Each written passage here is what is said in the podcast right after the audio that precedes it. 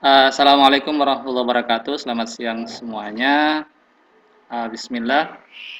Uh, pada kesempatan kali ini saya akan melanjutkan presentasi dari kawan-kawan semuanya yang dimulai dari Papua, kemudian tadi Bung Sujo ya, itu yang dari Kalimantan, kemudian saya dari Sulawesi Tenggara. Uh, baik, saya uh, apa berterima kasih saya sampaikan kepada uh, Ketua PJI kemudian uh, dan segala pemangkunya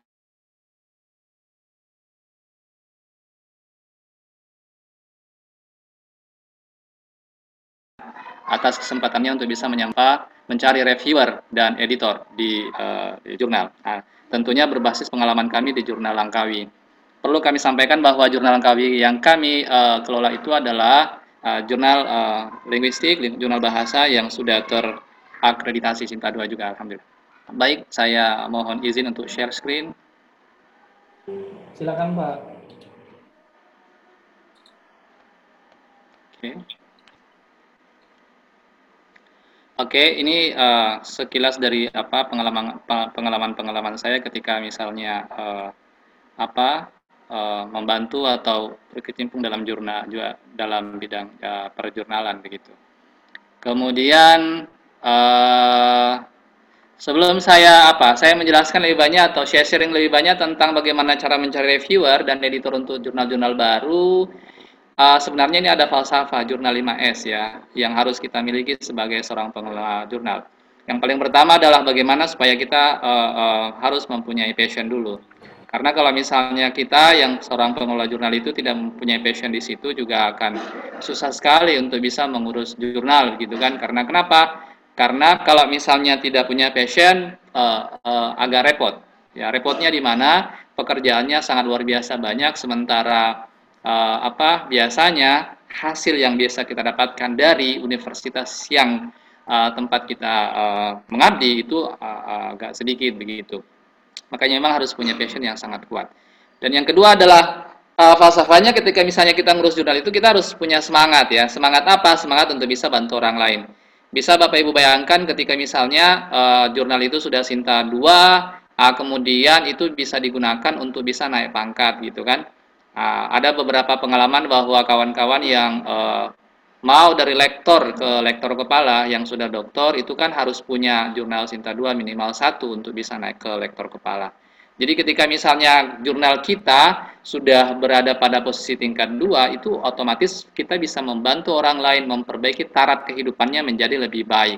Nah, ketika misal ketika kita membantu orang lain ke taraf lebih baik sebenarnya ya kita juga akan membantu diri kita sendiri begitu. Kan ada falsafah tuh, bantu orang lain sama dengan bantu diri sendiri. Jadi kalau misalnya kita ngurus jurnal sebenarnya ya ya tadi falsafahnya adalah kita bantu orang lain dan semangatnya adalah ibadah. Itu yang kedua begitu. Kemudian ada juga beberapa kawan ketika misalnya kita ngurus jurnal khusus untuk yang Sinta 2 itu untuk uh, sekarang kan ini ada persyaratan ya, ada persyaratan dari beberapa universitas yang uh, mengatakan bahwa uh, kawan-kawan mahasiswa S2 bisa lulus untuk bisa sampai lulus uh, S2 atau tingkat magisternya kalau misalnya sudah publikasi di jurnal Sinta 2 begitu. Itu pun sudah ya, sudah publikasi. Nah, kemudian ada juga yang S3, ada beberapa universitas juga yang mensyaratkan itu Sinta 2. Jadi kita memang semangatnya untuk bisa bantu orang lain. Selanjutnya yang ketiga adalah S. Yang ketiga adalah semangat ikhlas. Mengapa dikatakan ikhlas? Karena memang ya sebagai seperti mahabut masjid banyak pahalanya tetapi banyak banyak keuntungannya buat diri kita sendiri tapi tadi ya nanti Tuhan yang balas begitu. Kemudian yang keempat adalah bagaimana kita semangat ngomong uh, ya kayak misalnya eh, teman-teman uh, yang baru baru pertama kali uh, mis, uh, uh, berkecimpung dalam jurnal dalam ruang jurnal ya anggap saja jurnal itu sebagai anak bayi yang kita harus asuh. Kemudian bagaimana untuk bisa cara membesarkannya? Caranya salah satunya adalah dengan uh, mencari reviewer yang bagus kemudian editor yang bagus. Nah itulah nanti kita akan lakukan bersama. Selanjutnya yang kelima adalah kita semangat berbagi semangat bekerja bersama-sama Kenapa? Karena dalam jurnal ini kan ada yang ngurus OJS satu orang dan paling tidak ya satu satu orang yang ngurus OJS-nya dan satu orang juga yang ngurus substansinya. Baik, nah, ketika misalnya kita uh, melihat daripada ini apa uh, form akreditasi itu adalah salah ada satu anu ada satu indikator yang mengatakan bahwa cakupan keilmuan itu harus spesifik. Itu berarti bahwa reviewer dan editor yang barangkali itu bisa berbasis akreditasi itu juga harus sesuai dengan bidang ilmu. Kalau kita uh, jurnalnya di bidang bahasa ya sesuaikan reviewernya ya otomatis harus dari bidang bahasa. Mengapa? Karena mereka lebih tahu. Ah, tapi kalau misalnya kesesuaian bidang ilmu pun itu harus uh, uh, semakin spesifik itu semakin bagus. Kenapa? Karena artikel yang masuk itu ya cenderung juga spesifik. Hanya saja mencari yang sangat-sangat luar biasa spesifik itu juga menjadi tantangan tersendiri buat kita semua. Nah, jadi kalau misalnya di cakapan keilmuan ini kan ada nih super spesialis itu nanti bisa nilainya 4. Kalau cerita tentang uh, ini ya uh, ilmu biologi misalnya tapi yang sangat spesifik sekali itu taksonomi jamur. Kemudian kalau spesialis itu fisiologi tumbuhan. Cabang ilmu botani itu nilainya 2, kemudian disiplin ilmu biologi itu nilainya 1. Kalau bunga rampai 0,5. Ini artinya bahwa kita harus punya uh, apa reviewer yang yang memang uh, lebih spesifik. Bahkan kalau misalnya di dalam OJS pun itu harus dicantumkan kalau uh, uh, jurnal bahasa contohnya linguistik tapi dia linguistik apa? Apakah misalnya uh, bidangnya adalah pragmatik, apakah bidangnya itu penerjemahan atau bidangnya apa? Penerjemahan pun kan terma, ber, ber, ber, apa, e, punya berbagai macam variasi atau varian-variannya. Ada yang namanya subtitle dan lain sebagainya. Jadi semakin spesifik semakin bagus. Ini kriteria yang pertama. Kemudian yang kedua adalah ketika misal uh, kita mau mencari reviewer dan uh, uh, itu editor, yang harus kita cari paling tidak adalah memang ya orang-orang yang punya passion juga tentunya ya di kalangan kolega-kolega kita juga dan yang kedua jangan lupa bahwa ada ada ada juga ini yang e, ketika berbasis akreditasi seorang reviewer itu juga harus punya ID Scopus. Mengapa? Karena itu nanti ngangkat ya, ngangkat atau kita bisa memperoleh nilai yang lebih ketika mendapatkan reviewer yang mempunyai ID Scopus begitu. Kemudian yang ketiga, selain dia punya diskopus, tentunya secara implisit kita bisa mengetahui bahwa mereka itu aktif atau berpengalaman dalam dunia tulis-menulis itu di jurnal internasional. Ada beberapa kasus yang bertanya sama saya, ada beberapa kawan yang bertanya atau berkonfirmasi bagaimana cara untuk bisa mempunyai diskopus. Ya. Saya hanya sampaikan bahwa kalau mau mempunyai diskopus itu, itu tidak dibuat-buat tapi caranya adalah publikasi di jurnal internasional yang sudah terindeks Scopus, maka kita juga pasti punya ID Scopusnya. Bagaimana kalau uh, jurnalnya belum sampai di uh, indeksasi oleh uh, Scopus, maka kita tidak akan pernah memiliki ID Scopus itu. Jadi ini ini tantangan ya, apalagi misalnya ada kawan-kawan yang barangkali belum mempunyai Scopus, kemudian merasa kurang pede untuk bisa mencari reviewer yang punya Scopus. Nah, nanti di belakang kita akan uh, sama-sama uh, uh, sharing bagaimana caranya. Selanjutnya ini, uh, selain mereka juga aktif dalam menulis di jurnal internasional, mereka juga punya ID Scopus, otomatis kan harus berasal dari institusi-institusi lainnya. Tidak hanya berasal dari kampus saja, kalau saya misalnya sendiri dari IAIN Kendari, otomatis ya nyari reviewernya yang di luar IAIN Kendari. Supaya apa? Supaya beraneka ragam, bervariasi ya. Semakin bervariasi maka akan semakin bagus. Nah, meningkat lagi uh, skalanya nasional atau meningkat lagi skalanya regional atau internasional. Nah, bahkan kalau misalnya di jurnal yang ter, uh, apa terindeks oleh Scopus, otomatis kan ya uh, reviewernya itu berasal dari uh, empat benua begitu. Tidak hanya berasal dari dalam saja atau nasional saja, tetapi harus berasal dari empat benua. Itu salah satunya. Oke, okay. uh, selanjutnya adalah bagaimana uh, cara untuk bisa mencari editor dan reviewer ini. Uh, kemudian ini ya, uh, ketika mencari reviewer dan editor itu ada falsafahnya juga. Ada filosofinya. Filosofinya adalah filosofi uh, marketing yang kita gunakan. Atau kita menyebar undangan lah. Kita ke pesta atau ini misalnya ya ada seseorang yang mau membuat pesta. Ada seribu undangan yang disebar. Otomatis dari seribu undangan itu tidak semua undangan akan hadir di pesta itu. Ya paling tidak 50 sampai 60 persen itu bisa kita akan dapatkan atau kalau misalnya di dalam marketing kan ada bilang 80 ada rumus 80 20 1000 yang diundang paling tidak 200 yang datang atau 20 persennya Oke. Nah, kemudian yang kedua adalah ketika uh, kita mencari reviewer dan editor itu kita harus berani mencoba. Karena memang tanpa mencoba kita tidak tahu sampai di mana uh, keberhasilan kita begitu. Ya, jadi memang uh, harus berani. Kalau tidak berani ya udahlah tidak akan pernah dapat dapat. Anggap saja ya ya kayak tadi ya, ibarat tadi uh, uh, mau mengadakan pesta kita ngundang seribu orang ya paling tidak tidak semua memang bisa terekrut, paling tidak 10 sampai 20 persennya. Sama ketika mis, uh, kita pergi melaut ya, pergi melaut nangkap ikan. Semakin banyak umpan yang kita gunakan kan otomatis semakin banyak ikan juga yang bisa kita uh, dapatkan. Tapi lagi lagi harus berani melaut dulu yang banyak ombaknya, kemudian kalau ada angin ribut kapalnya goyang dan segala macam. Dan misalnya belum kita dapat, ya harus coba lagi dan coba lagi. Ya tidak ada kata lain. Ya istilahnya uh, kita tidak boleh pasrah untuk bisa terus-terus mencoba ya. Karena dengan mencoba itu kita bisa mendapatkan apa yang kita inginkan. Kan tidak ada salahnya Bapak Ibu semuanya mencoba itu. Tidak ada salahnya kita ngirim email ke uh, orang lain yang tidak kita kenal. Tapi yakin dan percaya kita, kita uh, ketika kita email orang-orang yang profesional, orang-orang yang mempunyai Eh, tulisan-tulisan uh, yang ada di uh, jurnal internasional mereka akan sangat cepat membalasnya. Saya punya pengalaman email saya mau bandingkan antara dunia uh, ini ya, misalnya saya ngirimnya ke Amerika, ke Eropa, itu ke Australia, itu balasannya itu tidak tidak tidak lebih dari tiga hari.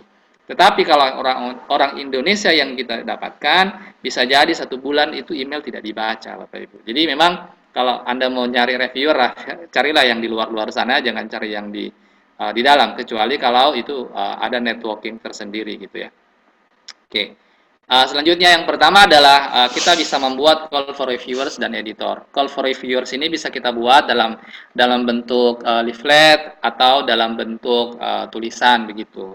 Uh, bisa tulisan, bisa leaflet. Kalau tulisan nanti akan semacam ini ya, call for editor dan reviewer itu itu ada apa namanya ada yang kita buat. Supaya apa? Supaya uh, orang bisa paham bahwa oh ini lagi nyari reviewer. Kalau tidak otomatis nanti call for reviewer jurnal dan editornya itu bisa dipasang di OJS jurnalnya. Itu yang kedua. Cara membagikannya bagaimana Bapak Ibu? Nah, cara membagikannya yang pertama adalah kita bisa memanfaatkan sosial media media yang kita miliki. Bisa dibayangkan kalau di sosial media kita kan ada Facebook. Nah, khusus untuk Facebook kan di sana banyak komunitas, Bapak Ibu. Saya di bidang linguistik ini ada ilmu baru yang saya dapatkan dari beliau, dari kawan saya. Uh, di sana kan ada grup-grup ya, ada grup, ada komunitas-komunitas sangat luar biasa banyak. Satu grup itu bisa jadi ada 100 ribu orang, ada yang 10 ribu, ada yang 50 ribu. Ya, dia bilang bahwa kalau misalnya kita mau ya sudah posting aja di sana.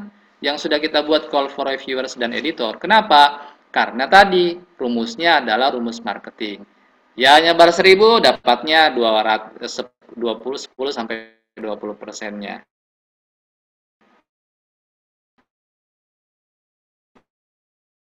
Ya, semakin banyak kita nyebar, maka semakin banyak juga kesempatan yang kita bisa dapatkan. Semakin book yang di grup komunitas-komunitas ya. Ada komunitas mis, uh, misalnya, kalau karena saya di bidang bahasa, ada IELTS Bangladesh, ada macam-macam. Sampai di dunia mana pun itu, kalau di Facebook semuanya ada, Bapak Ibu. Jadi kita memanfaatkan media sosial untuk bisa mengembangkan jurnal yang kita miliki atau yang kita asuh. Yang kedua, kita bisa memanfaatkan ResearchGate ini. Hanya saja di ResearchGate itu tidak uh, apa satu kali dua kali posting oke okay ya. Tapi kalau misalnya sudah sangat sering sekali kita posting di sana juga nanti akan dapat peringatan juga dari dari adminnya ResearchGate itu. Kenapa? Karena memang di sana itu kan yang paling penting adalah kita mendesiminasi artikel-artikel kita, baik yang preprint atau yang sudah terbit begitu. Uh, apa? Supaya apa? Supaya nanti bisa meminta juga orang uh, ini uh, uh, mereview juga. Jadi uh, ada satu kasus Bapak Ibu. Ini kalau misalnya di ResearchGate itu ada dua hal. Yang pertama artikel yang sudah terbit dan yang kedua artikel yang belum terbit. Artikel yang belum terbit itu kalau kita berteman dengan eh, kawan-kawan uh, kita yang satu bidang, kemudian yang satu komunitas, apa pun komunitasnya, yang penting itu di bidangnya kita masing-masing, itu bisa bisa kita bisa meminta mereka untuk bisa mereview apa yang uh, uh, kita punya. Itu di ResearchGate. Oke. Okay. Nah, kemudian selanjutnya adalah di Akademi Edu juga sama begitu ya. Akademi Edu juga sama, kita bisa memposting itu call for viewers dan editor.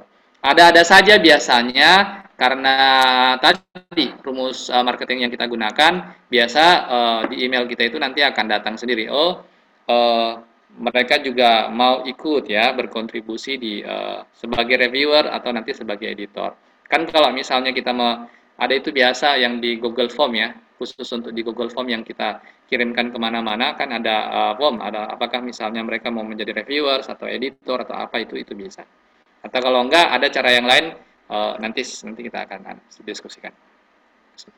Ini contoh-contohnya Bapak Ibu semuanya nanti bisa dibuat masing-masing sesuai dengan uh, kebutuhan masing-masing ya. Nah, kemudian yang kedua ini yang pakai uh, call for papers dengan menggunakan Google Form. Nah, ini karena saya di Langkawi jadi uh, uh, apa saya juga menggunakan itu untuk bisa mencari.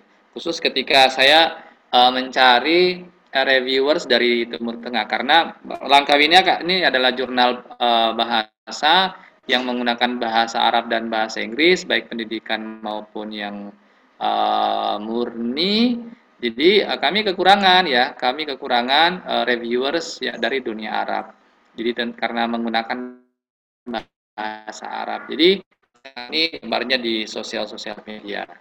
Seperti yang tadi saya sudah jelaskan. Oke. Ah, ini tadi yang saya bilang bahwa tadi ya, kalau misalnya di Facebook itu kita bisa manfaatkan untuk bisa men-share uh, uh, call for papers kita, itu bisa masuklah ya, masuk di eh, komunitas-komunitas uh, yang banyak anggotanya itu kalau big to non-native speakers itu ada anggota sekitar 3.500 sekian sekian. Itu saya pernah posting di sana untuk bisa mencari uh, call for reviewers juga. Nah, kemudian di sini ada Taiwan's English Teaching itu 29.895. Masa sih dari 29.895 tidak nangkap satu aja kan? Ya kan ya nggak masuk akal juga begitu. Oke. Okay? Uh, kemudian di IELTS Preparation Group in Bangladesh itu jumlahnya adalah 117.946 anggota itu kita bisa manfaatkan ini saya ada di sini bergabung juga di sana jadi ini artinya apa bahwa media sosial itu bukan hanya untuk bisa men-share uh, apa kegiatan-kegiatan kita sehari-hari tetapi juga kegiatan pembelajaran khususnya, khususnya untuk bisa me uh, expand uh, expanding network ke ini ke berbagai negara begitu dan uh, biasanya mereka ngontak kok ngontak kita lewat email seperti yang ada dalam uh, Google Form yang kita bagi-bagi. Kemudian ada PALT ini Pakistan Association for Learning and Teaching itu grupnya hanya 816. Jadi uh, apa dengan itu otomatis kan kita bisa mendapatkan banyak ini banyak uh, networking lah ceritanya. Uh, saya pengalaman saya di jurnal Langkawi itu uh, satu saat pernah dalam seminggu itu uh, setiap minggu saya posting posting posting posting posting tapi yang saya minta adalah penulis-penulis dari luar negeri saja uh, tidak untuk dalam negeri karena kalau misalnya kami di Sinta 2 itu kalau uh, penulis-penulis dari dalam otomatis sudah sangat luar biasa banyak antriannya sangat panjang. Uh, sementara karena uh, kami berniat untuk bisa mengajukan uh, indeksasi ke Scopus otomatis kan harus ada penulis luar negeri juga paling tidak satu atau dua lah. Ya dari situ Ah, mungkin ini yang Bapak Ibu apa Bapak Ibu lihat di uh, di sini di slide ini ada namanya Budi Hamudin sebelah kanan paling bawah. Itu kawan yang mengajari saya untuk bisa masuk ke grup komunitas-komunitas itu supaya apa? Supaya uh, paling tidak kita bisa mendapatkannya. Tapi kemarin dia bilang, "Apa sih guna apa apa susahnya posting aja gitu kan? Kan tidak ada salahnya, tidak ada susahnya." Uh, apa kemudian uh, bahkan bahkan kita bisa mendapatkan banyak manfaat dari sana Oke, baik itu ya cara yang pertama. Cara yang kedua adalah kita bisa mengikuti eh, seminar-seminar uh, nasional atau konferensi internasional baik secara, secara blinded ya, secara blinded ya offline maupun uh, online begitu. Di kasus Langkawi itu nanti uh, saya akan tunjukkan beberapa uh, editor dan reviewer yang kami punya. Uh, juga sama, ada Ibu Yuyu namanya yang sekarang pengelola jurnal Ciele Sinta 1 itu di Aceh. Saya ketemunya pas waktu uh, konferensi Aceh 2016 2017. Uh, tapi sebelumnya memang ada naskah yang saya pernah baca dan ditulis oleh si Ibu Yoyun di jurnal internasional itu. Uh, selanjutnya saya email bahwa saya tertarik membaca lebih lanjut ini dan bisakah kira-kira saya berkolaborasi dengan beliau? Itu alhamdulillah beliau balas juga ya, balas juga uh, di sela-sela kesibukannya ya, meskipun itu agak lama karena memang beliau sangat luar biasa sibuk. Itu yang pertama, mengikuti seminar baik dalam negeri atau luar negeri. Sekarang bahkan lebih enak lagi. Kenapa? Karena sekarang seminar-seminar yang dilakukan secara online semuanya itu bisa dimanfaatkan mencari uh, reviewer dari luar asalkan kita harus tahu dulu tahu bagaimana cara mengetahuinya jadi kalau di sini ya ada gambar ini kan ada uh, konferensi juga ada Joko Nurkamto misalnya itu ada kemudian dicari namanya itu di Google Scholar bagaimana profil uh, ini profil tulis menulisnya di sana. Kemudian bisa dicari di scopus.com ya, supaya apa? Supaya kita bisa mengetahui bahwa oh ini orang kredibel di bidangnya, ahli di bidangnya dan bisa jadi kita apa melamar mereka untuk bisa menjadi itu sangat luar biasa penting untuk bisa membangun networking.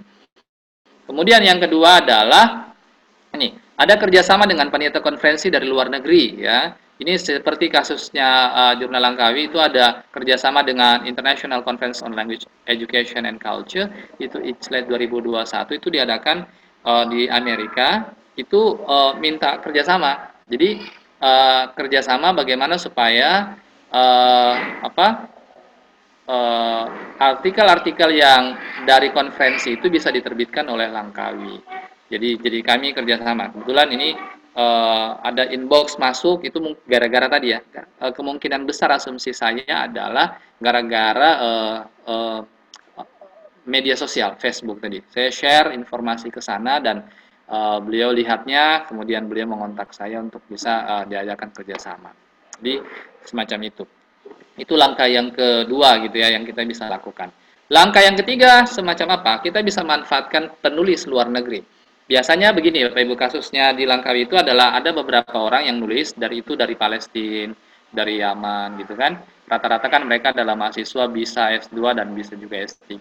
Kemudian setelah publikasi di sana, setelah publikasi di Langkawi, kemudian saya kami karena sering uh, apa sering uh, kontak dan komunikasi, kami sampaikan bahwa uh, bisa nggak kira-kira kami dicarikan ini reviewers dan editor dari luar ya kawan-kawanmu lah yang ada di daerahmu itu. Nah, kemudian eh, apa? Dia itu nyari, kebetulan nyarinya super, supervisornya. Si penulis itu itu dari Yaman, kemudian supervisornya dari Arab Saudi. Jadi minta ke sana, saya kontak ke supervisornya, kebetulan orangnya juga mau, ya sudah saya anu. Nah, kemudian supervisornya karena dari Arab Saudi, uh, saya tanya lagi, uh, ada nggak kira-kira kawan-kawan uh, yang uh, berminat di di dunia perjurnalan begitu dan ini uh, apa uh, nanti ya kita kami komunikasi saat itu adalah kalau misalnya reviewer itu memang dibayar begitu ya tapi memang dalam dalam batas tertentu. Nah, orangnya juga mau nah, selanjutnya beliau kontak kawannya yang ada di waktu itu di Mesir. Jadi dari Yaman ke Arab Saudi kemudian ke Mesir. Jadi keliling gitu dari kawan ke kawan dari kawan kawannya ya jadi semacam itu yang kita bisa manfaatkan. Atau yang terakhir, cara yang keempat itu kita bisa menggunakan uh, database dan email. Database yang ada kan bisa dari Sinta, kemudian bisa dari Google Scholar. Uh, jadi yang paling intinya adalah kita misalnya gini, ada satu tulisan masuk nih, ada tulisan masuk dalam uh, uh, kepada kita menggunakan bahasa apa pun itu mau Arab, mau Inggris atau bahasa Indonesia, kemudian kita cari uh, tulisan itu, artikel itu yang mirip-mirip dengan uh, tulisan yang ada di Google Scholar misalnya.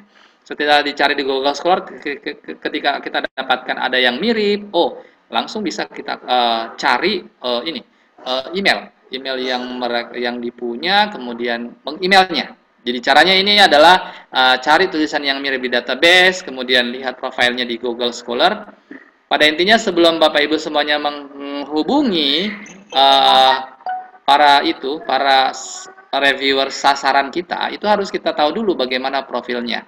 Apakah uh, aktif nulis enggak atau tidak. Yang kedua, ada enggak kira-kira publikasinya di Scopus. Jadi itu yang kita sasar gitu. Itu yang kita incar supaya apa? Supaya kita bisa mendapatkan yang yang tadi ya. Selain varietas oh, selain dari Yesus yang berbeda, punya ID Scopus, kemudian nulisnya banyak, aktif, jadi begitu. Nah, kemudian langkah yang ketiga adalah kita ngemail. Di sini harus berani, harus berani email ke mereka, apa pun nanti balasannya terserah. Bapak Ibu bisa bayangkan kalau misalnya satu artikel itu punya eh, apa? Satu artikel ya judul A misalnya, kemudian dicari di Google Scholar ada yang kira-kira mirip dengan apa yang eh, artikel yang ada, kemudian eh, misalnya yang mirip-mirip itu ada sekitar 5 sampai 10. Jadi 10 orang yang kita email. Nah, setelah kita email ke 10 orang itu, tunggu aja hanya saja email yang kita gunakan bukan email Gmail Gmail, tapi lebih bagus yang kita gunakan adalah email kampus supaya menandakan keseriusan kita uh, terhadap ini, terhadap uh, apa yang kita lakukan. Karena kalau Gmail kan gratisan, kalau email kampus kan mereka akan mengatakan bahwa ini resmi gitu. Jadi kalau misal uh, resmi otomatis uh, mereka uh, akan uh, membalasnya ya.